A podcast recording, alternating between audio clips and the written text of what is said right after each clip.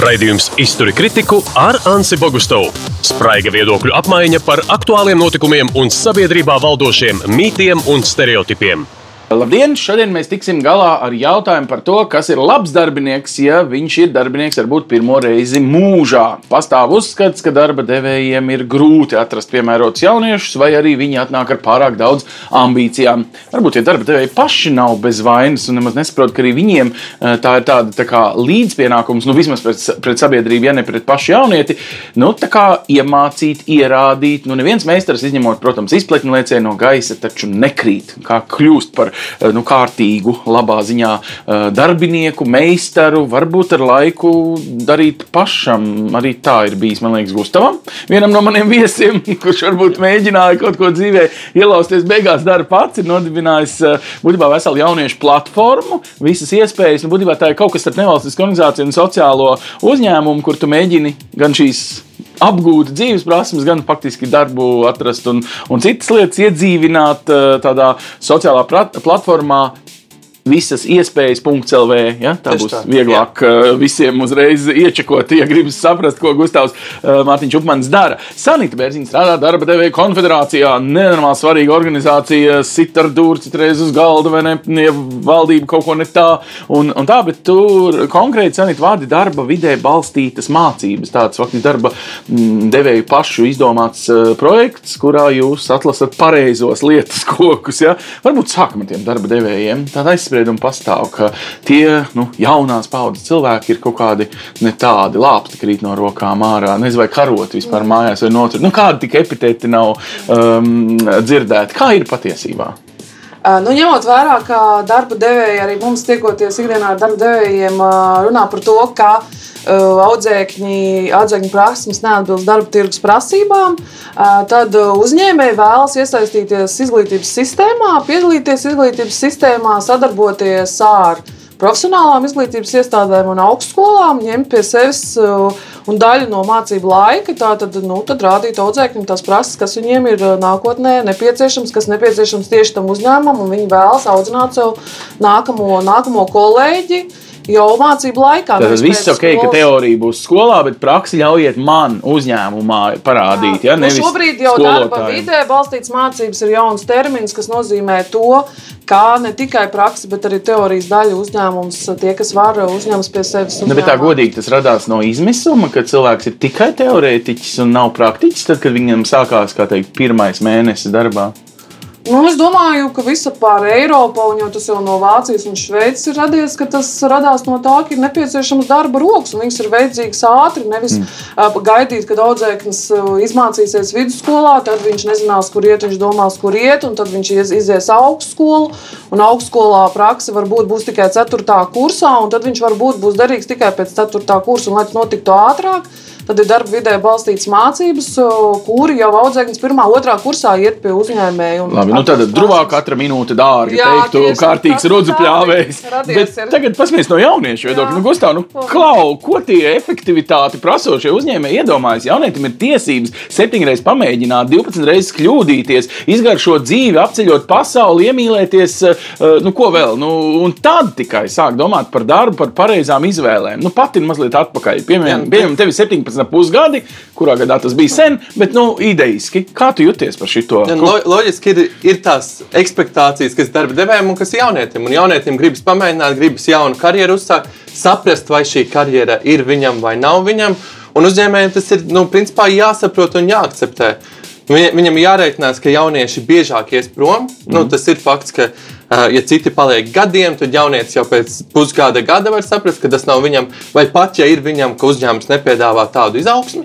Mm. Un, tā vienkārši ir tāda spēle, kur noteikumi ir, ka darba devējs varbūt maksā mazliet mazāk, jo tas jaunietis apmāca cilvēku, varbūt sagaida vairāk entuziasmu, vairāk fleksibilitāti. Uh, Uh, bet jaunietis savukārt uh, ņem to, ko var paņemt, mm -hmm. un tajā mirklī, kad nevar paņemt, dodas prom. Bet piekrīt, no malas var izskatīties, ka viņš pats nezina, ko viņš grib, ko viņš prot. Lāgā izstāsta, ka neprot neko un negrib neko, tikai galvenais - lielu algu. Un šī tāds ambīciju saraksts parasti, nu, kā, cik man maksās, nevis cikos sākās darbs. Ja? Mm -hmm. Cikos ir pusdienas laiks, nevis uh, kāds ir, nezinu, darba tikums, apjoms un kaut kāda pamata. Tas, tas ir arī ļoti atkarīgs. Ir, protams, daudz, daudz cilvēku, tiešām alga ir primārais faktors.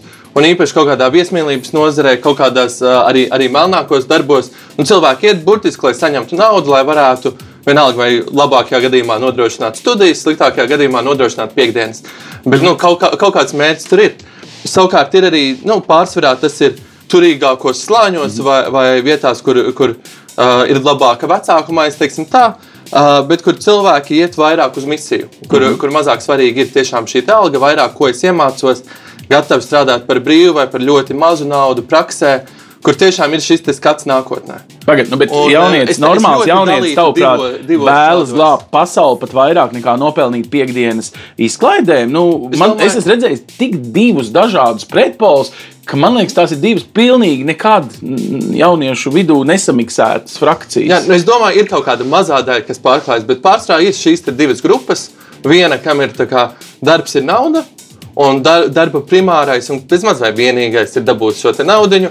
To, ko darba devējs pateiks, es izdarīšu. Un otrs ir šī, šī motivācija, vēlme gan augt, gan kaut kā padarīt pasauli labāku. Un tas arī, manuprāt, tomēr šobrīd parādās vairāk. Es gan, protams, neesmu objektīvs, jo mēs esam sociāls uzņēmums. Jā. Mums piesakās un strādā tikai tie, kas mm -hmm. ir šie pārspīlēti optimisti, mm -hmm. var teikt. Bet, eh, jā, manuprāt, ir šie divi segmenti, un ir ļoti svarīgi katram uzņēmējam arī saprast, kurā segmentā viņš šos jauniešus ņem. Un īstenībā arī katram jaunietim saprast, uz kuru no šīm divām, šiem diviem virzieniem viņš iet un vēlas, vēlas kustēties. Nu, labi, Sarnik, tagad ir tāds teiciens, ka vispār dzīvē būtu godīgāk, ja mums viss tā nauda, ko mēs sapelnām dzīves gaitā, būtu pieejama jau jaunībā. Mēs to kā kapitālu varētu ieguldīt, apceļot pasauli. Nu, dzīve būtu savā, bet nu, realitāte ir tāda, ka mēs parasti uzkrājam kapitālu dzīves laikā, ja? nu, tad varbūt mierīgs vecumdienas vai, vai kā. Mm, Nu, visas šīs kā, iespēju neiespējas nu, jaunietim objektīvi tā drīkst no darba devēja viedokļa, ka viņš nu, ar šo attieksmi pamēģināt, paspēlēties, kaut kur paglābt pasauli, kaut kur aizgulēties, kaut kur darba devējs it kā grib kā no 8 līdz 5 un pēc svilpes, ja bez pārspīlēja. Nu, īstenībā mazliet noteikti pārspīlēju, jo, ja kas skatās mūsdienu tendences personāla vadībā, tad ir tā, ka uzņēmums izvēlās darbinieku šobrīd jau ne tik daudz pēc izglītības, kā pēc vērtībām. Mm -hmm. Arī personāla atlase notiek pēc tā, ka viņš skatās, kādu man darbinieku vajag, kādas mūsu vērtības.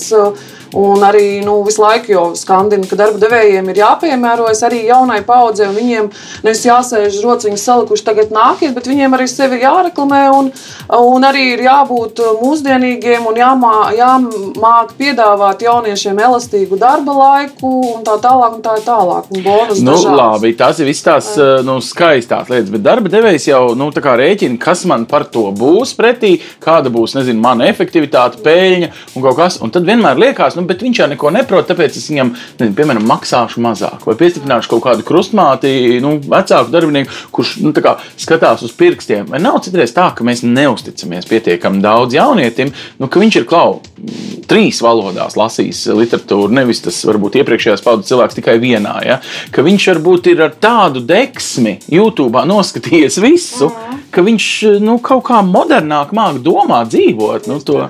Tā tieši tā, jo tas ir ļoti atkarīgs no vadītāja, kas ir arī uzņēmumā. Jo ir vadītāji, kas ne tikai no jauniešiem baidīsies, kas, kas varbūt eh, domā savādāk un eh, zina kaut ko citu, bet viņi arī baidīsies no, no, no, no arī jau, kas vairs nav cilvēki, kas nav jaunieši, kas atnāks ar vairākām izglītībām, viņi neņems tāpēc, ka viņš pats par sevi nav pārliecināts. Tas, tas šausmīgi daudz atkarīgs ir no vadītāja un uzņēmuma. Ko es vēl no eh, uzņēmuma viedokļa gribēju pateikt, ir atkarīgs arī no nozares. Ir ražojošās nozares, kur ir smagi un ir tur eh, disciplīna un tur ir ra- ražotne vairākās maiņās.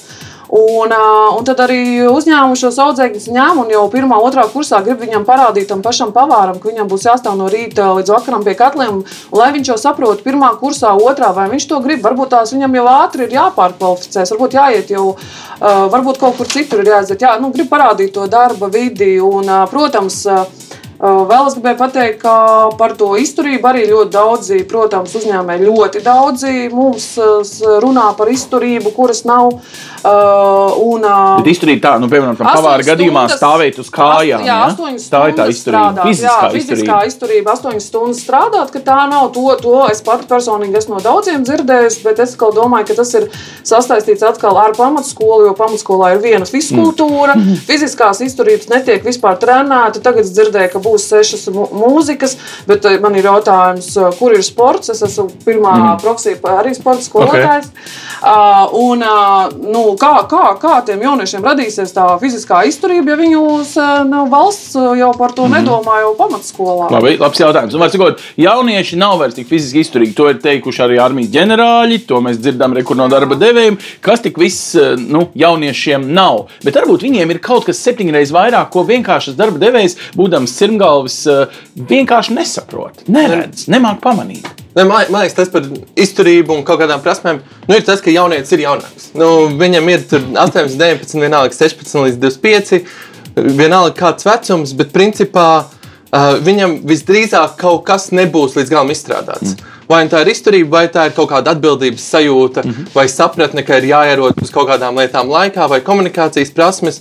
Un, un, diemžēl tā ir tā vieta, kur darba devējiem ir jāiet apkārt un ir jāsaprot, ka rekur šim konkrētajam cilvēkam varētu būt kaut kāds trūkums, un es spēšu adaptēties. Tad darba devējiem principā ir jāaiziet arī skolotāju ievadkursi. Mazliet, mazliet. Viņam jābūt ar, ar to cilvēku psiholoģiju un gatavam mazliet vairāk paauklēties kā ar cilvēku ar 15 gadu pieredzi šajā jomā. Nu, un tagad, ja es sāku auklēties, es sāku rēķināt, man ir Tavs mans laiks, darba laiks, vai es varu noņemt viņam no algas, jo tā ir mana auklis daļa. Principā savā ziņā jau tas notiek. Nu, jaunieši ir mazāk apmaksāti kā profesionāļi. Paralēli gan jāatzīst, ka nu, liela daļa jauniešu strādā ātrāk. Mums ir bijis ar pasākumu platformu. Uh, konkrēts gadījums ir pasākuma platforma Kurpes, kur arī es vadu. Mm -hmm. un, uh, tur mums bija 17-gadīga darbiniece. Un uh, vienā pašvaldībā bija darbiniece, kas no Wordiem, Exceliem liek pasākumus savā sistēmā. Mm. Un šeit darbinieci aizgāja nedēļu, jo tas tāds digitāls mm. darbs. Tad nu, mūsu darbinieks to pusdienā izdarīja. Mm. Un tur nu, tiešām nav pārspīlējums, vienkārši digitāla prasme, sapratne, kā kopēt, kā likt, kā, kā bildes pamainīt šo to un tādā garā. Un tā, Un, tad, eh, tā vecākā darbiniece, protams, palika traka un nikna. Nē, jo viņa, viņa nu, bija greizsirdīga. ne? Ah, okay, nemaz nezina, tāpēc arī es pašvaldību neminu, kur Nevajag minēt, jā, labi. Um, bet jā, un, un šīs ir tās lietas, ka jaunieši var ātrāk iemācīties. Bieži vien viņos sākotnēji būs šis entuziasms, mm. -hmm. un noteikti digitālās prasmes ir kaut kas, kas ir līmeni augstāk Nu, entuziasms ir kaut kas, ko var ļoti ātri nokaut. Nav Jā. tā, ka darba devēja nu, tāda. Mēs ot, tā kā mums vajag prasīt, nu, tā kā nespējas un sarunāties ar jaunāko paudzi, patiesībā nogalina tā cilvēka entuziasmu, un tad brīnās, ka viņš nākamajā nedēļā vienkārši nepateicis, neierodās. Jā, tā ir. Un, un labā, labais scenārijs ir tas, kur var jaunieti ievirzīt pareizajā vietā. Jo viņš arī sākumā līdz galam nesaprot, vai nezinu, kaut kādi Excel viņam patiks, vai viņam patiks tur, nezinu, mājaslapas vai kaut kas. Un, ja tas darbs ir gana plašs, tad uh, pāris nezinu, mēnešu laikā, nedēļu laikā, tu jau vari saprast, ka jā, izstāsta, no sociālajiem tīkliem viņam patīk taisīt dizains, bet, ra bet rakstīt viņam te nepadodas. Mm. -hmm. un, un tad, attiecīgi, ja tev ir iespēja kā darba devējiem pielāgoties, man liekas, tas ir veids, kā dabūt visperfektāko rezultātu.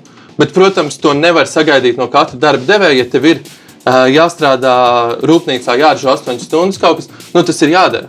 Tu nevari pielāgoties un pateikt, o, oh, nu tā ir. Tu vari, nezinu, kaut, kaut kā skaistāk darīt, pušķot visu. Nu, labi, Sanīt, bet mēs jau arī par sevi, nu, tu arī visdrīzāk par sevi dzīvē uzzini ļoti daudz, ko tu teici. Tev pirmā izglītības sporta skolotājs, nu, reāli piedod, tu strādā birojā, ja? nevis, piemēram, uh, skolā. Skolā strādāja, jā.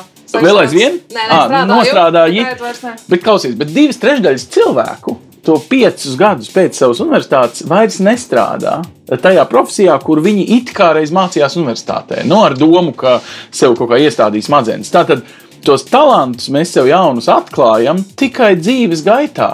Un tam jaunietim vienkārši tas ir intensīvi. Nav tā, ka tie darba devēji ir tādi. Nu, nezinu, nu, viņi nav gatavi būt arī bišķiņu skolotāji, bišķiņu prakses vadītāji. eh, Jeb tas ir tas, ko jūs projektā Nu, es tieši darat. Ja? gribēju teikt, ka projektu, to, ko mēs īstenojam, trīs gadus jau un vēl īstenosim līdz 23. gadam, ir tā, ka piedalās 3000 uzņēmēji no visas Latvijas, un tie ir tie uzņēmēji, kas ir gatavi iesaistīties, pie tam vēl iziet pedagoģiskās mācības uh, 32 vai 70 stundu garumā, lai viņi iegūtu tās prasmes, uh, sarunāties ar jaunieti, komunicēt ar viņu, tur ar viņiem strādā psihologs un viņi mācās. Līdz ar to tie ir 3000 uzņēmumi šobrīd, kas ir iesaistījušies, kas ņem pie sevis 3000 prakses. uzņēmēji, bet tad jauniešiem tas faktiski ir lielāks cipars. ja? Jauniešiem tas ir iesaistīti 14,000. Wow! Tā jau ir, ja mēs gadā Latvijā kā 20, 22 tūkstoši piedzimst, tad principā vienu Jā. Jā. gadu iesaukumu uh, visos iespējamos amatos, vai tajos, kur piedod, mēs regulāri dzirdam, ka trūks darba rokas. Nu, proti, vai nav tā, ka darba devējs to jaunieti mīl vairāk faktiski tikai tāpēc, ka šobrīd jau bišķiņi Jā, liekas, jā. ka darba devēji, de- darba ņēmēji diktē melodiju, ne Iesaistās uh, visas nozares, uh, bet jums ir taisnība. Div, div, divus gadus mēs sākumā nevarējām saprast, uh, kāpēc iesaistās tik daudz skaistumu kopšana un turismas. Un, tas ir pirmkārt trūks darba rokas, un, protams, visas lielās viesnīcas un ņēma jauniešus, tāpat pa viesmīlēm un tā tālāk. Un otrs, kur mēs vēl sapratām, ka valstī taču arī uzņem pārsvarā šos audzēkņus šajās nozarēs. Mm. Turismas, skaistumkopšana vienkārši ir pārpludināta ar jauniešiem. No valsts budžeta tur uzņem 2000 audzēkņus gadā ļoti, ļoti mega daudz. Jaunieši arī tagad bija augstskola monitorings, bet par profesionālu izglītību vēl monitorings nav bijis. Tātad jaunieši, nu, kā mēs sakām, pārsvarā izvēlās soft nozars, nu, vieglās soft nozares uh, un uz ra- ražojošām nozarēm ķīmija ir uh, ļoti maz uh, audzēkņi iesaistījušies un mācās ķīmijas nozarē. Bailes no kaut kādiem izaicinājumiem, vai sūdīgi gāja ar ķīmijas skolā, vai Nu, tur nevar saprast, tagad jau, piemēram, Normūnsbergs, kas vienmēr mm -hmm. visur saka, ka vajag fiziku, ķīmiju kā obligātos eksāmenus.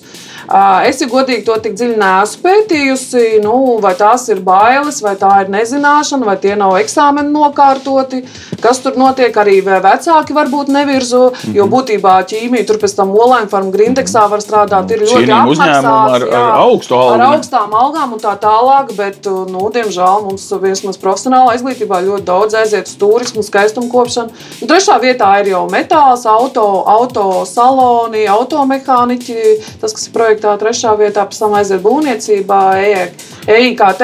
Un būtībā IT arī tik daudz, viņiem ļoti daudz trūks, un tur nu, nevar uzņemt tik, cik vajag. Jā, nu, jaunieši slinki izvēlās vieglāko ceļu. Nu, viss tā, nu, tā Tā, pārspīlēju, bišķiņ, jā, nu, Jā, viņi, viss. nu, tā kā, nu, Viņi, izvēlas ne- ne vieglāko, bet fleksiblāko ceļu. Labi, Kas nu. sastāv visvairāk iespējas nākotnē. Tā tā arī ir tā, tā lieta. jā. skaistumu kopšana, nu, izskaidro man šo fenomenu. Nu, kāpēc skaistumu kopšana? Nu, ja tev ir pārprodukcija, nu, es atvainojos, tu pats vari tos nagus nolakot. Nu, Kāpēc jau jāiet pie drīzāk Tu speciālista? zini, ka tev tas patīk, ka, ka tā ir viena lieta, ko tu māki. Labi. Tu viņu izmācies, iegūsti vienu arodu kabatā, mm -hmm. kurš tev kādā noderēt. ziņā noderēs un patīk. Un tad pēc tam tu jau vari skatīties, uz kuru, uz kuru virzienu tu aiziesi. Un, un visdrīzāk tas būs kaut kāds uh, biroja darbs, tomēr uz to ved, ved pasaule. Mm. Bet, ja nē, nu, tev vienmēr ir šis aizmugurējais uz kuru tu vari arī uh, vismaz censties, censties iet apakaļ. Labi, bet uh, tas tomēr jau otro reizi noved mūs pie kaut kādas fiziskās nespējas uzņemties nu, cerība augstākajai algai, bet iespējams nu, lielāku ieguldījumu jau sākuma posmā, savā uh, nu, mācību laikā, savā galvas kūpēšanā, fizikas formulu priekšā. Uh, Nu, tādas, tu, tu piekrīsti, ka šai paudzei ir raksturīgs tā kā, nu, tāds. Nu, easy peasy, labāk 17 uh, plānie galdiņi nekā viens dziļais galdiņš, ko Es neteiktu, ka paudzēs teikt, ka tam vecumam. Ka vienkārši tas, tas vecums, nu, tu nezini, ko darīsi. Un tad tu ej kaut kādus zināmus ceļus tausties. Tā neziņa, principā, jauniem cilvēkiem, vienalga, kura, kurā laika grupā, laika brīdī, nu, tas ir svarīgi. Un šobrīd arī, kad nav tik ļoti teiksim, izdzīvošanas jautājums, ka nu, darbu nu, gan jau cilvēks atradīs. Mm. Uh, nu, tad arī tu, va, tu vari iet tādu fleksiblāku ceļu. Tev nav obligāti jādabūna, ka rekurs sliktākajā gadījumā man vienmēr ir. Klausies, manai vecmāmiņai kādreiz Padomju Savienībā viņa aizgāja pensijā, toreiz iedeva ordeni.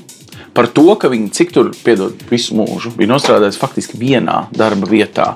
Toreiz cilvēki lepojas ar tiem, man liekas, tā bija medaļa, nevis ordenis. Sanāk, ka tāda vērtība vairs nepastāv. Nu, kad tu tā kā izdari izvēli, un tad tu sevi tā, nu, vienkārši, nu, tas ir jāpieņem kā abas patiesība tiem, kas vēl pazīst manu vecmāmiņu. Krietni vairāk tas stāsts ir par sevis atrašanu. Tāpat kā ja in, Indijā ir eh, sarunātās laulības, mm. un tur tu vienkārši pieņem, ka ar šo cilvēku tu dzīvosi. Mm. Pat ja Uh, nemīlēsi visu Pat ja nemīlēsi, bet nu, tu iemācīsies, un tur arī ir ļoti liela laime faktuāli. Uh, tad, tad šobrīd mēs ejam uz tādu rietumu modeli, kur nu, mīlestības nāk, iet, mm. skatīsies, atradīs plus mīnus perfekto mm. kaut kādu vietu, ierūmēs. Un tas pats notiek ar darbu, ka nu, vienkārši tev, tas vairāk ir par kaut kādas vietas ierūmēšanu un atrašanu, kas savā ziņā arī ir loģiski, jo tagad, kad tehnoloģijas attīstās, nu, faktiski tu nezini, kādas pēc desmit gadiem būs profesijas. Labi, mēs nevaram nosaukt vārdā. nepastāvēja. Bet, bet, viena lieta tev pašam, nu, tā kā jaunam cilvēkam, ka Jā. tu redzi savā portālā visas iespējas, .lv. Tev nāk cilvēks, kas pirms mēneša tu jau viņam palīdzēji, tu sarūpēji viņam kaut kādu jaunu, un viņš pēc mēneša ir atpakaļ. Tev nerodas tāds, viņš vispār pats zina, ko nu, tu tā kā. Tikai dod, dod, dod to palīdzību, un tas viss tiek aizkosta kūciņa, aizkosta kūciņa un nolikt atpakaļ. Nu, tad beigās simts aizkostas kūciņas uz galda mētājas. Es domāju, ja, ja mēs redzētu precīzi, ka ir cilvēks, kas piecas reizes pēc kārtas pa mēnesim dara, nu, tad tur būtu jādomā un, un jā, jāsaprot, ka, kas tam cilvēkam notiek. Jo nu, var tiešām arī būt, ka piecreiz neveiksmīgi mm. sanāk izvēlēties, bet uh, nu, visdrīzāk tur jau būtu kaut kādas problēmas. Bet nav tā, ka es ikdienā skatoties uz savām paziņām, mūsu jauniešu klientiem, visu redzētu tik lielu to nenoteiktību un tik lielu vēlmi izmēģināt tik īsi. Pārsvarā cilvēki tomēr pamēģina pastāstīt nu, jau, jau kaut kādu ilgāku periodu. Saprotu, kas tur notiek. Labi, nu, kā tev šķiet, eh, aizkostu kūciņu vispār efekts? Nu, tādā ziņā, ka nu, cik reizes es drīkstu paprovēt visu, kas man nu, bērnībā, es atceros, 3. klasē, baleta skola, keramika, pēc tam 5. klasē patika, tad tur burāšanas pulci. Nu, tas taču ir kā mēs skolā tagad dzīvojam. Mēs pamēģinām lietas. Tas ir kā mēs ātrāk uzzinām, kas mums nepatīk. Mm. Teorētiski tas taču ir pareizi. Nē, jā, es domāju, tās ir tās ieliktās vērtības, un par jauniešiem jauno paudzi saka, džamperi, lē, lēkājošā paudze.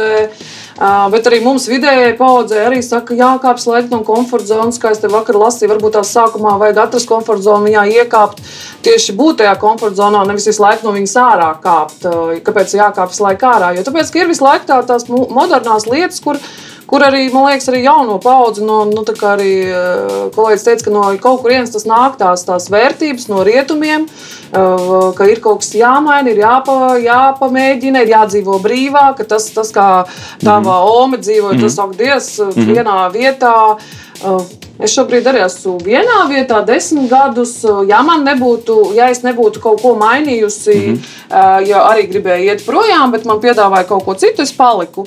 Ja nav kaut kāds jau kaut kādi 5, 6, 7 gadi, man tieši arī man liekas, bija kaut kādi 6, 7 gadi uh, tā LDDK, un tad uh, likās, nē, viss sanitēja prom, man jau apnika. Mhm. Un, uh, bet, ja man piedāvāja šo projektu, es projektu nebiju Tad, tad citreiz tu tajā savā komforta Jā. kastē faktiski atrod tā kā mazāku, specifiskāku, neizgaršotas garšas stūrīti, bet paliec kā profesionālis savā it kā komfortā, jo tu esi profesionāls pirmkārt.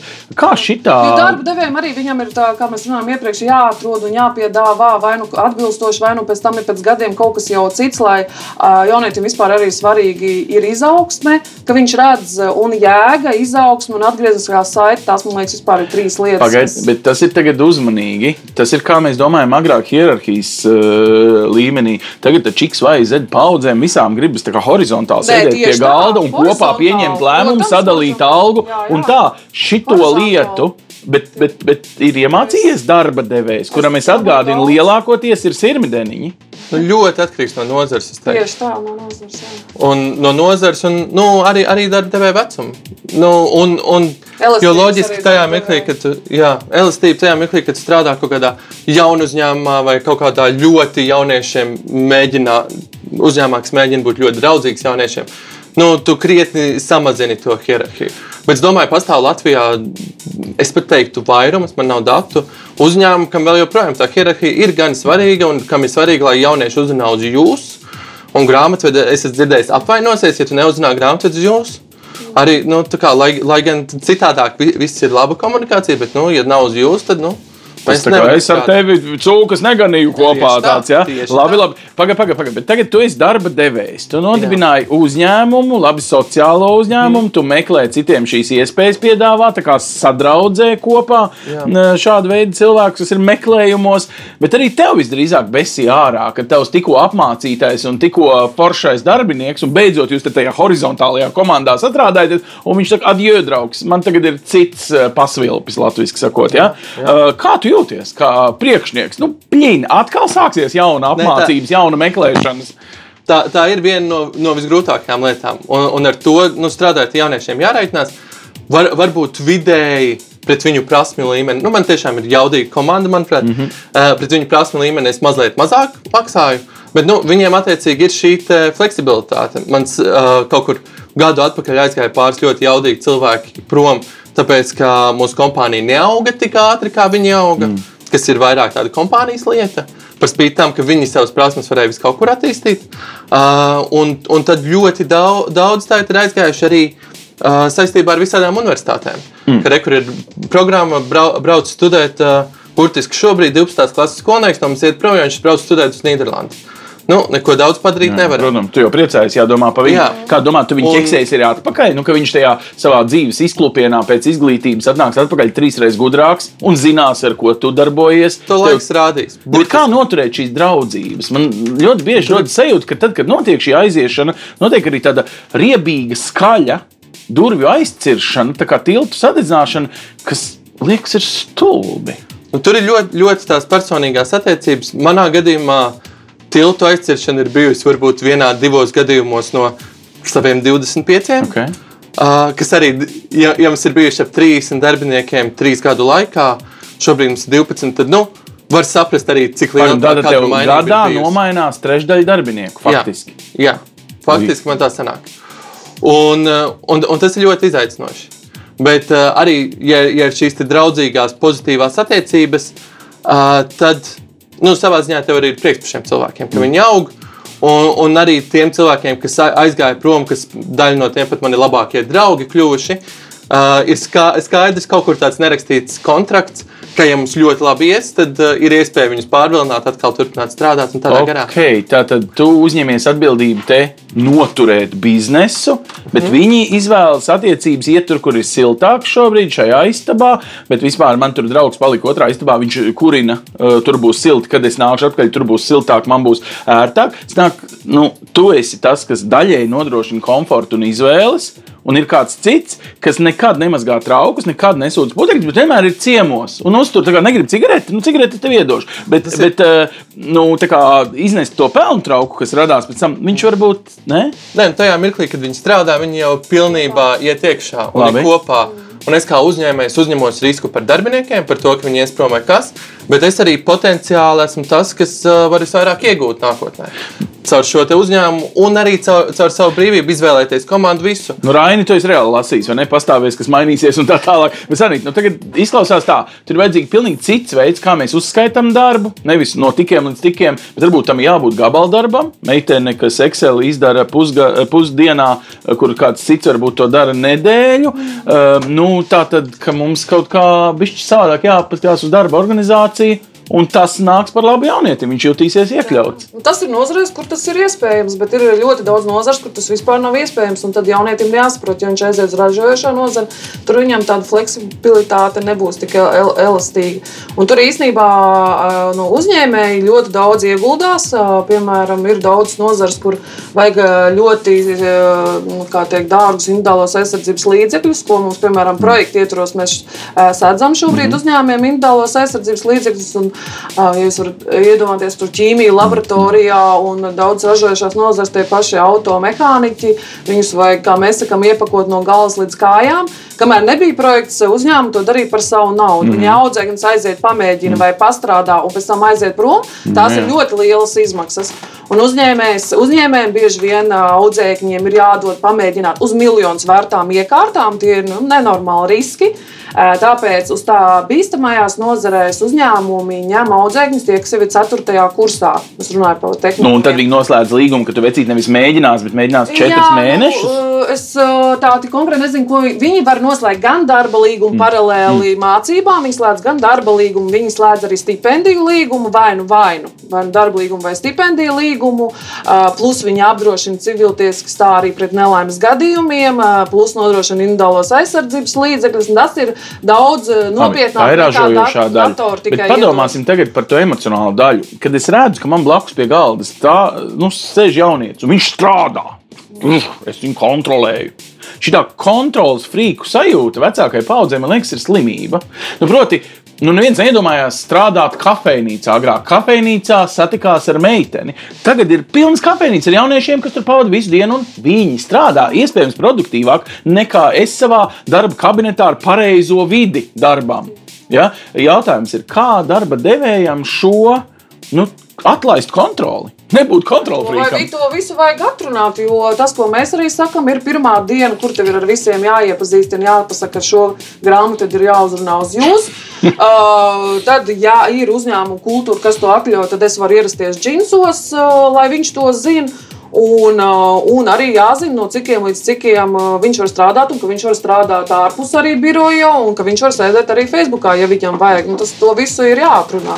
Vai nu te uzreiz ir darba devējiem jāsaka, to nedrīkst, to nedrīkst, to nedrīkst. Un varbūt viņš nākamā dienā tad vairs arī neatnāks. Ja tu viņam jau pirmā dienā pateiksi, nu, kāda ir tavs spēles noteikumi, tu nevari pēc tam viņam presēt, uh, tur skalot smadzenes, ka viņš kaut ko nezina vai nedara tā, kā tu domā. Nu, tas viss ir ar jaunieti jāizrunā pirmajā dienā. un Tad ir vai nu mēs uh, slēdzam līgumu vai neslēdzam. Kā, kā, nu, Ir, saka, man, man liekas, ļoti svarīgi ir saprast un nomenedžēt šīs te gaidas, expectācijas Mhm. starp kompāniju un jaunieti. pirmajā dienā. Uh, nu, Nu, nedēļā. Plus mīnus pirmajā dienā, pirmajā nedēļā, kad cilvēks jau varbūt arī saprot, ko, ko viņš dara un darīs. Uh, bet, bet mēs kā uzņēmums arī ļoti, ļoti pielāgojamies. Mums ir šīs te fleksiblās stundas, uh, fleksiblā darba vieta, īpaši tādā Covid laikā. Un, uh, bet mēs arī maksājam par stundām. Mm -hmm. Un, attiecīgi, nu, lielākajai daļai jauniešu nesanāk tur uh, puslodze vai kaut kas, jo nu, viņi, ja viņiem ir jāuzraksta precīzi darba laiks, arī iespējams, ko viņi ir izdarījuši, tad uh, ir bieži grūti atskaitīties par pilnu laika darbu vai par pusslodzi. Bet, vecīt, nu, es zinu, ka darba devēji un arī skolotāji ļoti besi ārā, ka darba laikā principā glāsta ekrānu. Un tas nevienmēr nozīmē, ka viņš strādā. Viņš principā izklaidējas, atbild draugiem, čatrūmā un ko. Tad, kad um, nu, tu maksā stundās, ir šausmīgi redzēt. To uh, atkarību no šīs glāstīšanas, nomierinošās kustības gar, gar tavu mobilo telefonu. Nu, tu kā darba devējs taču arī jūtas prātā, ja tu maksā par stundām, bet reāli viens čato. Ir, cik nav darbi, kur ir atslēgts visas šīs uh, iespējas arī nu, darba datoros? Tur arī ir gaidas, expectācijas. Nu, burtiski man ir bijušas sarunas, kur, kur es saku par šo, un tur bija divi varianti. Pirmais bija, ka rekur, es redzu, ka citi darbinieki šo, šo lietu izdara divreiz ātrāk. Kas par vainu? Mm Mhm. -hmm. kā, kā mēs varam palīdzēt, vai arī tas ir no šīs glāstīšanas, ļoti dīvaina glāstīšana. Nu, kā tur Um, saukt? Nu, bakstīšanas. Nu, kaut kāda komunikācijas sociālā tīkla lietām, jā. Um, un, un otrs variants ir, ir arī burtiski nu, pateikt cilvēkam, ka tu redzi, ka tavuprāt tas nav normāli. Un, un ka viņš to var darīt, paņem brī- brīvu laiku, stundu pastrādā, pusstundu, hei, var, Nu, ķipa, tu par to un Tādā nemaksāsi. grā, bet es par to nemaksāšu. tieši. Labi, uh, tu esi diezgan nu, strikts, skarbs, labi nu, kā cenšos, bet, nu. motivēts uh, darba devējs. Uh, bet vispār jaunietim šis stundu apmaksātais darba laiks mūsdienu jaunietim, tam X paudzes jaunietim, Y paudzes jaunietim.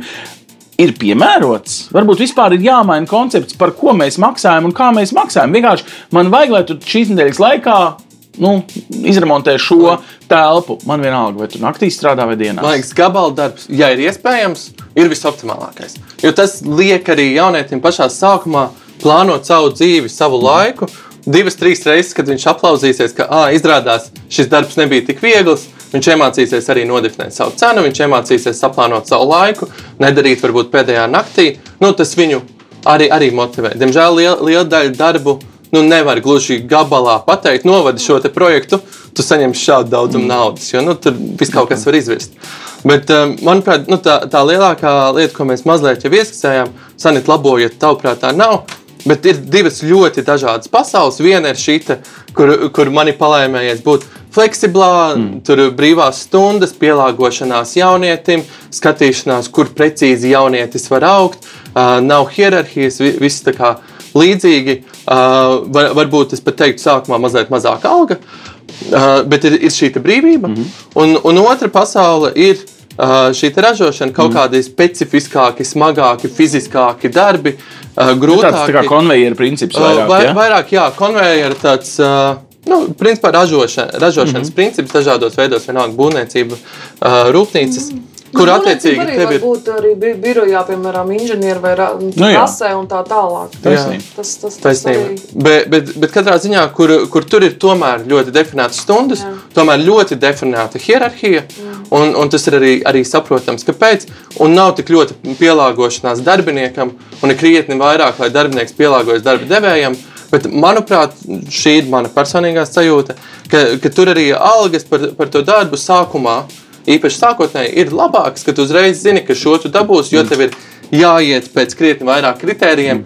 Nu, paralēli otru haltūru tu tur neiespiedīsi. Labi, bet tagad viena ļoti būtiska lieta, kurš beigās uzņemās atbildību. Tu jau pieminēji, ka tam uzņēmējiem varbūt tā ir miljonu vērta iekārta, kam tur viens bakstās gar malu uh, un kaut ko mēģinās. Uh, tam būvinženierim ir jāparakstās ar savu parakstu, un pēc tam var iet uz tiesu. Mums te nesen bija viens sagrūks lielveikals. Ja? Um, nu, tātad, Atbildības uzņemšanās ir pamats darba devējiem teikt, ka nu, visi visu dara, viss man tikai galvenais maksā, bet atbildība patiesībā ir bezatbildība valda. Nu, tā kā jaunieša attieksmē pret to darbu, ko viņš dara. Vienalga gabalā vai, vai nu, tie skaļi vārdi, es esmu dzirdējis tādus no uzņēmējiem, bet vai viņiem vienmēr ir pamats? Jeb, Nu, vi, vi, viņi noteikti pareizi dara, ka viņi pasargā sevi. Pirmkārt, apdrošinot jaunieti, apdrošinot gan pret nelaimes gadījumiem, gan civiltiesiski. O, ir citreiz, kā uzņēmums saka, "Priekš kā mums to vajag, un mēs sakām, nu, jūs esat bīstamā nozarē, nu, tā kā mēs būtībā iesakām, un to noteikti vajag. Bet tam vēl, ka šobrīd tas tiek at atmaksāts no projekta līdzekļiem. Un otrs, noteikti viņi slēdz, kā jau teicu, arī darba līgumus paralēli bīstamās nozarēs. Tas praktiski vienmēr notiek, ka darba līgums tie- tiek paralēli arī mācību līgumam. Līdz ar to viņiem arī ir pie, pieklājīgs algas, un tad darba līgumā jau, protams, daudz ko var atrunāt. Visas tās atbildības, kas tev ir jānes. Un būtībā es saku, viņi ņem, neņem jauniešus, kas ir 15, 16, 17 gadus veci. Viņi ņem pilngadīgus jauniešus, visas bīstamās nozars, ņem pilngadīgus jauniešus tikai tāpēc, ka tur ir ļoti liels risks un atbildība un bīstamība. Nu, labi, tas ir arī tāda, nu, ok, ir apdrošināšanas mm. lieta. Bet tagad nu, no tās praktiskās eh, puses jaunietim jau dažreiz ir arī jāmācās. Viņam Google ir tiesības un pienākums iemīlēties, atrast savu otru pusīti, vēl kaut kādas lietas. Cik pretim nākoši, piemēram, pret, hei, man ir eksāmens, nē, vecīt, tev ir darbs. Un šis tik bieži nonāk konfliktā, ka dažreiz nevis man nepatīk darbs, bet es aizietu, tāpēc ka es to nevaru savienot ar mācībām. Viens kļūst nu, privilējošs, un galu galā nākotnē nu, bez tā diploma tu neizdzīvosi. Var cikot, cik ļoti ja, eh, ciena jaunieša realitāte arī pats darba devējs. Darba devējs ciena, bet tas, ko mēs projekta ietvaros redzējām, ir nesakārtot izglītības sistēma. Jo, piemēram, kvalifikācijas prakse paredz 960 stundas pie uzņēmēja, un galā ir eksāmens. Mm -hmm. Un uh, izglītības sistēma sakārtota tā, vai nesakārtota, ka viņām ir jāatrodas pie uzņēmuma šajā praksē, bet tajā pašā laikā skolā izglītības ministrija ieliek eksāmenu. Un, t- un tad, tad sanāk tā, kur tad, tad man būtu tam au- audzēknim. Un to mēs esam arī teikuši izglītības ministrijai. Visiem esam teikuši, sakārtojiet šo lietu, lai, lai jaunietim nav jābūt ā, vienā dienā divās vietās. Gan darbā pie uzņēmēja, gan arī eksāmenā. Jo viņam kvalifikācijas praksē ir jāsavāc 960 stundas, bet tajās dienās viņam ir salikta eksāmena. Nu, beigās, kad jau ā, prakse jau beidzās. Un tad, protams, es neesmu dzirdējis tādu gadījumu, kad uzņēmums nelaist uz eksāmenu. Viņš, protams, saka, jā, ej, nu, tev ir eksāmens. Bet būtībā tur kaut kas uh, Bet sanāk, dažos gadījumos par šīm eksāmena stundām faktiski maksā darba devējs algu. Jā. Sanāk, ka darba devējs Nu, tā, piestimpendijē. Ja, viņu. Neloģiski, pat negodīgi varbūt. Jā, Klau, nav sakārtots eh, tev, Gustav, visdrīzāk arī ir kāds piemērs, kur eh, darba devējs neciena patiesībā tā jaunieša vēl aizvien tomēr augšanu. Un tas ir kopējais Latvijas labums. Ja tas jaunietis iet uz augstskolu un teikt, kļūst ar vien gudrāks ne tikai pie tevis tur praksē, vai nu, visas viņa, gan arī privātā dzīve, varbūt eh, cik ļoti mēs mākam respektēt to, tās jauniešu vajadzības. Ir tikai, ah, tu esi man darba ņēmējs, es tev darba devējs, viss. Man, man ir bijis maz saskara ar tādiem ļoti, ļoti striktajiem. Um, bet tā, tas, tas, ko noteikti var redzēt, ir ir mirkļi, kur vienkārši nu, tas, tas vadis jau lūst. Mm. Kur, kur pārāk daudz darbiniekam ir vajadzīga šī skola, īpaši viņš ir nepilnā laikā, kad viņam sanāk, re, kur viena eksāmena, otri, tad tur tomēr jāpārliek vēl kaut kas, tad emocionāli ļoti smagi vēl kaut kas notiek. Nu, un, un tad ir viens mirklis, kur tu vienkārši redzi, ka, nu, es, ka, ka tu kā uzņēmums nevari atbalstīt tik tālu. Ka tu vari būt atbalstošs ar kaut kādām fleksiblām stundām, bet nu, ir, ir, ir kaut kādi limiti. Un arī jo ātrāk šie limiti ir nodefinēti, jo labāk. Jo ātrāk arī pats uh, darbinieks sapratīs, ka nu, šī vairs nav vieta man.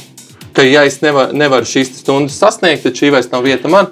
Jo, jo pārsvarā arī uh, nu, konkrēti par manu pieredzi ir bijis, ka tas ir vienošanās ar darbinieku, ka vairs nebūs optimāla mm. strādāšana. Mazāk, ka, ka viņš tiek brutāli atlaists, vai, vai ka vienkārši nozuda galiem. Mm. Bet tagad tā, Tu esi nodibinājis sociālu uzņēmumu. Es sociālā... gan uzņēmumu, gan sociālu uzņēmumu. Jā, bet tagad pie tā sociālā uzņēmuma vajadzības. Sociālam uzņēmumam ir sociāla funkcija. Tātad sabiedrībā ir sāpe. Šis jaunietis ir tas sociāli apkalpojamais vai šobrīd darba nu, devējs, kurš meklē sev foršu lietas koku un nevar atrast, kam tas sociālais uzņēmums faktiski kalpo, kurai no sabiedrības vajadzībām. Mūsu sociālais uzņēmums ir burtiski jauniešiem ar mērķi parādīt informāciju, kas ir apkārt, jo mēs parādām, atspoguļojam arī stipendijas, apmaiņas programmas, brīvprātīgos darbus, tur kaut kādus ārzemju braucienus, Erasmus, visu kaut ko tam līdzīgu. Un tas ir tas primārais, ko mēs dodam jaunietim, ir šī papildu informācija. Tad visas iespējas un, izaugsmēji. Vienkārši izvēlēties, kur. Tieši tā, tieši tā. Un otrs ir uh, šī darba uh, vide, un ka mēs no, piedāvājam nodarbinātību. Ja faktuāli ir tā, ka pirms Covid tiešām darba devēja bija sliktākā situācijā, Un, eh, un arī es, es pat lasīju pētījumus no Zinātņu akadēmijas, ka Latvijā tā salīdzinot ar citām Eiropas valstīm nav problēma.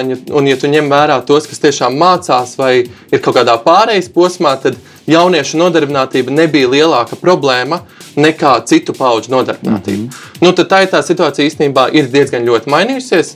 Jo, protams, ka jaunieši bez pieredzes, bez kvalifikācijām, īpaši apkalpojošajās turisma industrijās, nu, viņi ir tie, kas uh, paliek vairāk bez darba.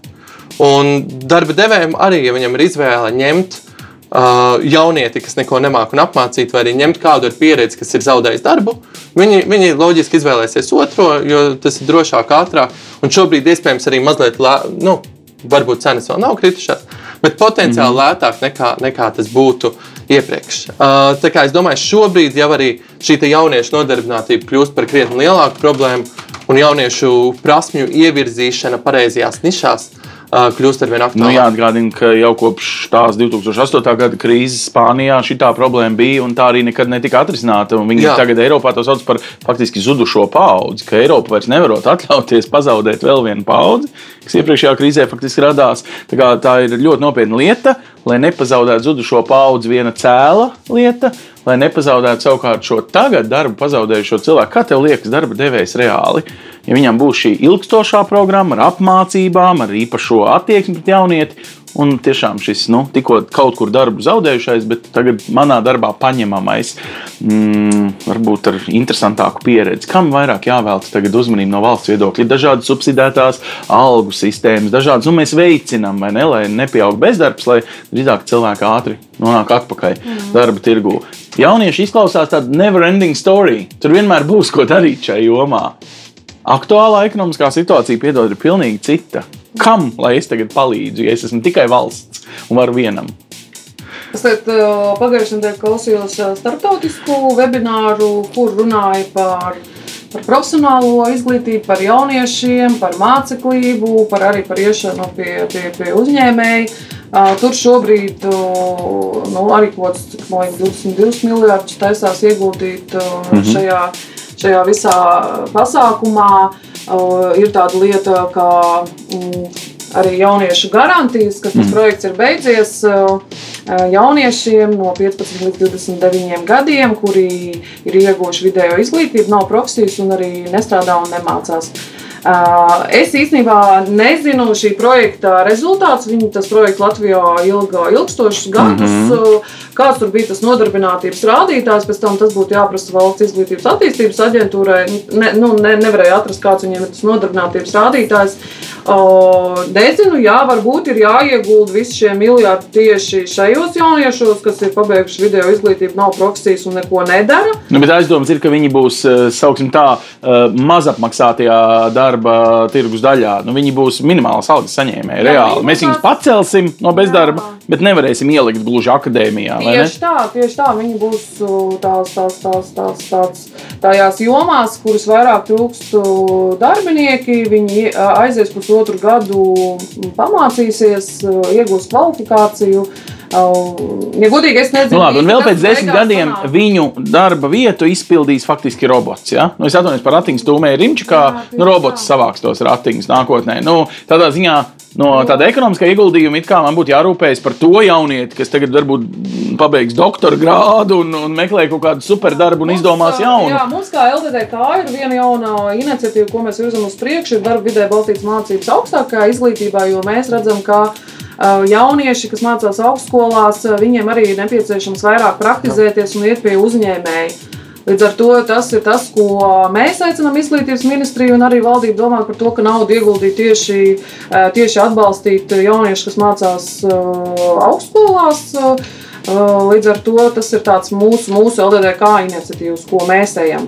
Vai tam iedos naudu vai neiedos nākotnē, nākamajā periodā, to mēs nezinām, bet tāds, tāds ir mūsu nākotnes projekts. Un mēs esam taisījuši divas diskusijas. Būs arī trešā diskusija ar augstskolām, uzņēmējiem un izglītības ministrijas pārstāvjiem. Visi saka, 90% jā, ka vajag darbvidē balstītas mācības augstākajā izglītībā. Jo mēs, mēs paši, kā LDDK, esam saskārušies, ka mēs, piemēram, meklējām komunikāciju cilvēku, gribējām ņemt pie sevis praksē, pēc tam slēgt darba līgumu. Nu, pie mums atnāca kā trīs cilvēki no universitātes, ceturtais kurs. Mēs viņus paņemt nevarējām. Vienkārši viņu kvalifikācija pats bāra nav. Viņi ir teorētiķi. Jā, tieši tā, pilnīgākie teorētiķi. Pilnīgākie. Ceturtajā kursā cilvēki nu, nemācīja strādāt ar tādām, nebija digitālās prasmes, nu, kā, kādas vajadzīgas bija komunikācija cilvēkam. Ne, nemācīja ar dažādām programmām strādāt, ko man vajag no komunikācijas cilvēka, jo nu, es nedarīšu viņa vietā, viņam ir jā, nu, jāprot ceturtā kursā to darīt. Līdz ar to es biju diezgan pati pārsteigta par to. Jā, šis skan ļoti, ļoti, ļoti jēgpilni, jo ko mēs arī redzam, ka daudzi jaunieši strādā paralēli studijām, bet nesaistītus darbus. Mm. Jā, un, un tas ne savā profesijā, un tas, tas loģiski to kvalitāti tik ļoti mm. neceļ. Uh, bet atbildot uz to jautājumu, kā, kur uh, varbūt vērts uh, jā, šo naudu investēt, lai, lai, lai celtu tā, tā ļoti produktīvi. Mm Uh, visu izglītību, vienalga jaunieši, ne jaunieši. Mm. Man liekas, tur jāiet, jāiet vairāk caur darba devēju, caur parasto tirgus nosacītu ekonomiku, kur, kur liekot kopā apmācības ar šiem darba devējiem, kā jau tas tiek darīts, bet arī caur cita veida apmācībām, specializētiem kursiem. Uh, tieši uzņēmēji vairāk spēj definēt, kurus cilvēkus mm. ar kādām prasmēm viņiem vajag. Vai tie vairāk ir šie fleksiblie jaunieši, kurus, jā, es varu apmācīt, viņi varbūt ātrāk iemācās, bet viņi aiztīsies prom. Diezgan vai tie ir cilvēki, kurus man jēdzīgāk ir pārkvalificēt? Un es zinu, ka, teiksim, uz pieciem gadiem viņi arī pie manis būs. Klau. Šis gadījums man atcauc atmiņā vienu vārdu, kas ir ļoti bieži dzirdēts, redzēts, un ar šausmām pēc tam atvērtas durvis un Eikatu. Proti, viens varbūt Cambridge's diplomu turētājs ar sajūtu, ka viņš ir overqualified. Nu, vienkārši viņš ir tik kruts, ka viņš pat nevar piespiest kopējumam aparātam podziņu, jo viņš taču ir vai ne Cambridge's. Var sakot, nu, ir pamanīts, ka pēdējos desmit gados ir cilvēki, citreiz viņi atbrauc, saspiedušies uh, kaut kur durvīs, lidostā, nu, proti, no ārzemēm, un domā, ka viņš ir tajā mazajā varžu dīķī baigais kings un ka visi viņam aplaudēs. Citreiz viņš varbūt nu, vienkārši ir apmaldījies savos daudzajos doktora disertācijās, un, un viss viņam ir teorētiski, bet praksē viņš nav mēģinājis neko. Šī sajūta, ka 4. kursā cilvēks, jaunietis, īsti nemāca datorus, dažreiz izbēsīt to pašu seno grāmatvedi, kur vēlas, lai viņi turpina uzrunāt uz jums. Ko tu esi novērojis, vai ir tā, ka ambīcijas ir, bet satura nav, vai kaut ko tā iepriekšējā paudze nu, tā nesaprot? Ka tas overqualified ir pamatots, ka viņš ir 17 uh, reizes vairāk grāmatas lasījis un 5 dažādās valodās. Nu, tas ir viņu padarījis savādāku nekā tas līdz šim savu darbu profesionāli darošais šeit, jau 30 gadu strādājošais. Man, man liekas, tur ir mazliet caurums, jo, jo lielā mērā īpaši ar ārzemju izglītību man pašam arī es Mhm. Rotterdamā mācījos mm -hmm. Nīderlandē. Uh, nu, Latvijā nenovērtē īsti. Mm -hmm. uh, vienalga, ja, ja tu neesi tiešām Cambridge, Oxford, neviens par tevi nezina, mm -hmm. un tad vai tā ir top universitāte Lielbritānijā vai top 100, nu, liela starpība nav. Un tad tu atbrauc atpakaļ, tev ir kaut kādas šīs gaidas par to, kas būs, kādu darbu tu ieņemsi. Uh, zinu da daudzus cilvēkus, kam šobrīd ir ļoti problemātiski tie darbi meklējumi, jo ārzemēs iegūt izglītība, pieredze baigi nav. Uh, ļoti loģiski, gudri cilvēki, bet nu, ir pagrūti sev pierādīt. Um, Bet viņi arī, nu, ir- protams, pretendē uz tādu cienījamāku algu no sākuma. Nu, it kā tu pats teici, ka tu arī ne- citreiz jaunietim iedod mazāku algu, un tad skaties viņa izaugsmu un, un piešpricē to algu pat vairāk nekā savam senajam darbiniekam. Jā, nu, tu, tur ir tā lieta, ka nu, daļa šo profesiju Lat Latvijā nav tik specifiskas. Un, un tieši tā līmeņa, kur tev rekur vajag starptautiski komunicēt, zināt, piecas valodas, vienalga, ka, ka daļēji šīs profesijas nav. Un, uh, un tāpēc arī no darba devējiem, ja viņas nav, viņ- viņš nevar neko tādu piedāvāt. Un tas ir jāsaprot šim jaunietim, uh, ja viņam ir kaut kādas gaidas, ja viņš atgriežas Latvijā, viņam ir jārēķinās, ka viņš visdrīzāk ies vai nu uz zemāk apmaksātu darbu, vai arī uz zemākas prasmes darbu. Nu, bet kaut kāds upuris tur visdrīzāk būs jāņem. Labi, bet šis upuris, un... Un- nu, tu, piemēram, atbrauc no Nīderlandes uz šo upuri, pārvērti savā uzņēmumā un pat vairākos. Nu, tā, tā tad, sanāk kas tas par netīšām, jā. upuri? Nu, vienkārši, uh, nu, ja jau tu esi tik overqualified un tik krūts, nu, vienkārši pieņem darbā desmit citus džekus, kļūsti par nu, prezidentu savai. Nu, bet, teiksim, ja tu esi lielisks zinātnieks, nu, Ok, okay, tu neesi lielisks uzņēmējs. Jā. Tas nozīmē, īpaši man tik liels sāpe redzēt, kā no Latvijas aizbrauc studēt zinātni, mm. jo, jo tur ir jo sevišķi maz specifiskās nozares lietas, un tu nevari atgriezties, vai arī nu, tu tiešām atgriezies uz kaut ko piln, nu, kā diezgan citu. Mm. Un, uh, nu, jā, jā, man, man ir ļoti izņēmums stāsts. Man ir ļoti pa- palaimēs, ka es atgriezos, sāku uzņēmumu. Arī man īstenībā nebija mērķis atgriezties. Un man arī, kad es uzsāku uzņēmumu, vairāk mērķis bija, nu, paskatīsimies 4-5 mm. mēnešus, kā ies. Uh, mēģināsim izspiest, ko var, un, ja dzīvos, dzīvos. Un man liekas, ka vai nu rīktīgi labi dzīvos, vai nomirs, mm. kas ir li lielākā problēma ar uzņēmumiem. Pārsvarā viņi vienkārši kaut kur, kaut kur pa vidu starp dzīvošanu, no, nomiršanu, tā kā Veģetē. vēl galu un varbūt lēnām aug labajā mm. gadījumā. Un kad tas ir krietni mazāk bināri, krietni mm. mazāk polāri, mm. ka vienkārši pārsvarā kaut kā pa vidu tu izdzīvo un audz. Ko tu mācījies? Um, man maģistrs ir biznesa informācijas vadība, kas mm. ir uh, kā vadīt IT projektus, IT uzņēmumus. Nu, re, bet tā tad tu esi palicis savā nozarē. Tu dari, ko tu proti, nozarē, un jā. tu esi tas mazākums, kas ir gan mācījies, gan realizē to. Uh, Sanīt, nu, šis overqualified ideja. Nu, tā ir kaut kur dzirdēta, uh, kā tāds nu, veids, kas raksturo šo paudzi, ka viņš ienāk ar savu diplomu un prasa uzreiz kaut ko tik neadekvātu, vēl nepierādot, ka viņam lāpsta turās rokās, ka viņš māca ar viņu rakt.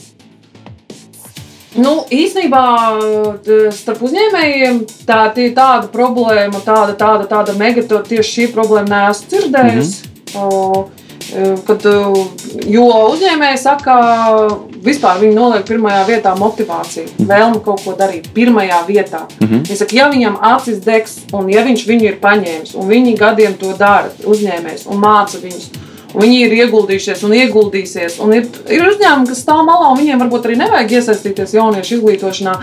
Viņi to es tādu lietu neesmu dzirdējusi. Un arī mums uz LDK tādi jaunieši nav nākuši. Mēs arī praksē ņemam ļoti daudz jauniešu arī no augstskolām. Un, ja pēc tam viņš ir sev pierādījis, mēs arī mums arī projektā ir jaunietis. Mēs viņu būtībā pat pārlunājām. No, viņš ma- izmācījās loģistiku bakalaurā, pēc tam atnāca mums uz projektu, pārsistēja, mēs paņēmām darbā. Tagad viņš aizgāja ma maģistratūrā projektu vadību mācīties.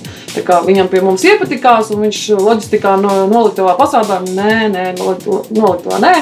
Projektu, uz projektu vadību kā Mums arī ir jaunieši, kas nāk brīvprātīgā darbā, obligātās praksēs. Un tu pret šo rotāciju, pret šīs eh, nu, dzīves un izglītības sa, eh, sabalansēšanu, šo garšu pamēģināšanu, vai tu redzi, ka vienkārši tas ir foršs jaunietis, kam dzīvē ir plāns, viņš zina, kā viņš to step by step realizē, vai nu, kā tu attiecies, kad tu, nu, tev nāks sadzīvot ar šo dabisko vēlmi. Tad, Gadiņš Nīderlandē vai, vai, vai tepat Rīgā, tad tur doktors kaut kur citur. Viņš ar laiku tiešām grib pie tevis atgriezties. Tu viņu redzi kā lietas, ko, ko tu pazīsti, un kuram tu dod tādu tā uzdevumu, piemācies vēl to, dabūsi vēl algas pielikumu.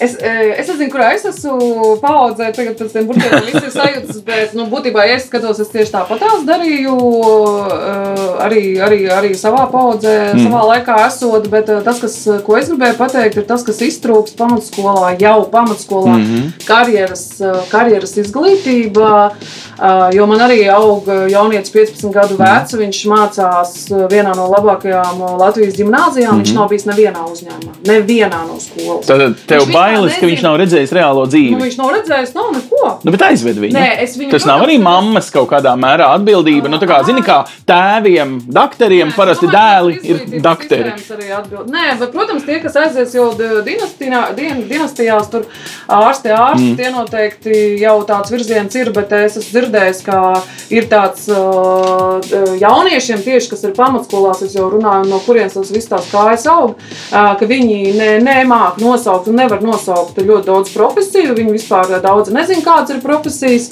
uh, un viņi nezin tās iespējas, visas iespējas, punkts, uh, jaunieši pamatskolā nezin tās iespējas, nu kā viņam izdomāt, uz kurien viņam tagad iet. Viens ir viņu virzā mamma, tētis, bet otrs jau arī, viņš arī ir personība, ar viņu arī jārēķinās. Bet, lai viņš kā personība izdomātu, viņam vispār ir jāsaprot, kādas ir profesijas Latvijā, uz kurien viņš ir, kādas profesijas ir pasaulē, kādas ir skolas. Nu, un, e, ir veseli entie projekti, entos miljonus iegūt karjeras, e, karjeras izglītībā. Tas ir arī vecāku uzdevums, bet tas ir reāli arī izglītības sistēmas uzdevums. Un manējais ā, 9. klasē viņš nav bijis nekur. 9. klasē tagad būs. Neloģiski. Labi, viņus gatavo gimnājai. Tas arī, uh, arī no vienas puses. Varbūt visi gimnājā netiks. Varbūt kādam no 9. klases vajadzēs aiziet uz kaut kādu profu tehnisko skolu. No uz kurien viņš ies, ja viņš īsti nezinās. Un kurš tā pēc 9. klases beigas zina, kur iet? Mm. Nu, es arī nezināju. Es gribēju iet uz frizeriem, man, man nelēma, tas aizgāja vidusskolā. Cik vienkārši, ne? Bet, bet man, man liekas, tas arī ir tas galvenais, ko, ko man liekas šajā diskusijā tu mazliet tā mēģini pievilkt. bet Es provocēju. Tā, tā, Nu, doma, bet tā doma, ka soli pa solim plāns. Un kā aizies, man liekas, tas ir ļoti redzams gadījums. Man liekas, ka arī mums, mums trim nav skaidrs, teiksim, kā šī diskusija mūs ved tālāk karjeras Nu, tā kā- protams. Tā kā ceļos, un jaunietim tas ir vēl mazāk. Un, man liekas, tas ir pats, es teiktu, ka tas ir vissvarīgākais, kas jaunieti atšķir, ka viņam ir vēl mazāk plāns, ka viņš zina virzienu, aptuvenu, un viņš viņā šauj Tas mākslinieks. viņam padots, viņš zina. Jā, un, un kas padodas, vai kas patīk, Jā. kas reizēm pārklājas, reizēm nē. Bet, Klau, nu tā tad tā nejauši sanāca, ka Sanita noreklamē visas iespējas. CELV. nu, vienkārši tāpēc, ka šīs iespējas ir vajadzīgas, un paldies tev, ka tu esi viņas sarindojis šajā mājaslapā. Un, un ierosinu visiem, kas tagad klausās šo raidījumu vai skatās šo podkāstu, lūdzu, iečekojiet, latviešu sakot. Ja? Bet otrs ir eh, noslēgumā, vai tu redzi šo jēgu, ko darba devēji ir sākuši? Proti, ka viņi liek obligāto tādu tā praksi un tādu darba audzināšanas attieksmi. Nu, tas nav tāds vecais stils? Nu, tā kā es tev izaudzināšu sev noderīgu uh, darbinieku. Nu, tā kā, tas, tas tieši tā kā es teicu, ka tas ir visefektīvākais veids, kā caur šiem valdības mehānismiem iegūt Ok. okay. ļoti praktiskas prasmes.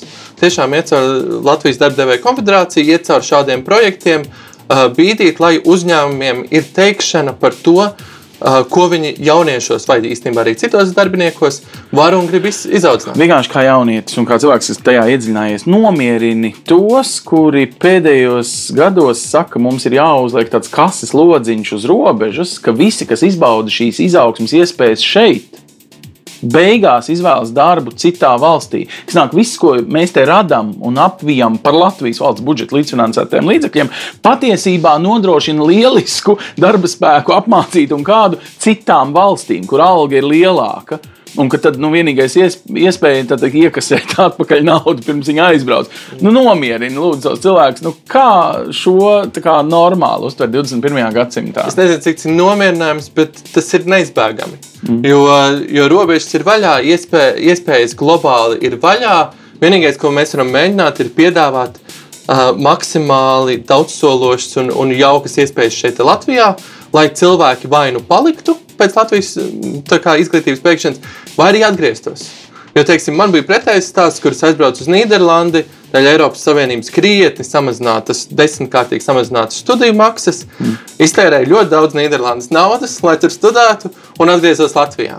Tā kā ar to ir vienkārši jārēķinās. Jā, tādā ziņā tu atved atpakaļ to naudu tieši Latvijai. Tā, tā kā paldies tev. Es, es, es, jā, ietaupīju. Um, un, un, jā, un ar to ir jārēķinās, ka šī ir globāla spēle, un ja mēs neesam gatavi kā valsts konkurēt ar citām valstīm, tad uh, nu, ko, nu, visas robežas aizslēgt mēs nevaram. Mm.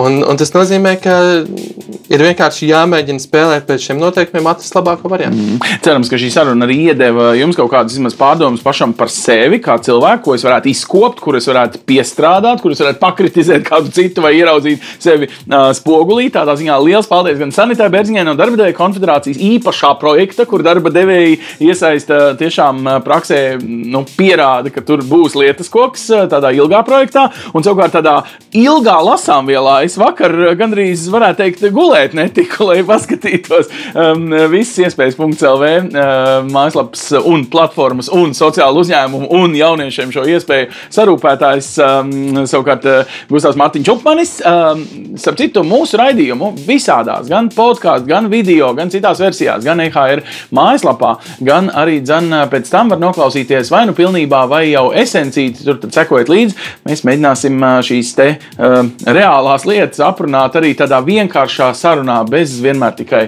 slikti, labi. Vienkārši saprast, kas lācītim mēderā. Tiekamies nākamajā raidījumā. Uz redzīt! Paldies! Projektu finansē Mediju atbalsta fonds no Latvijas valsts budžeta līdzekļiem.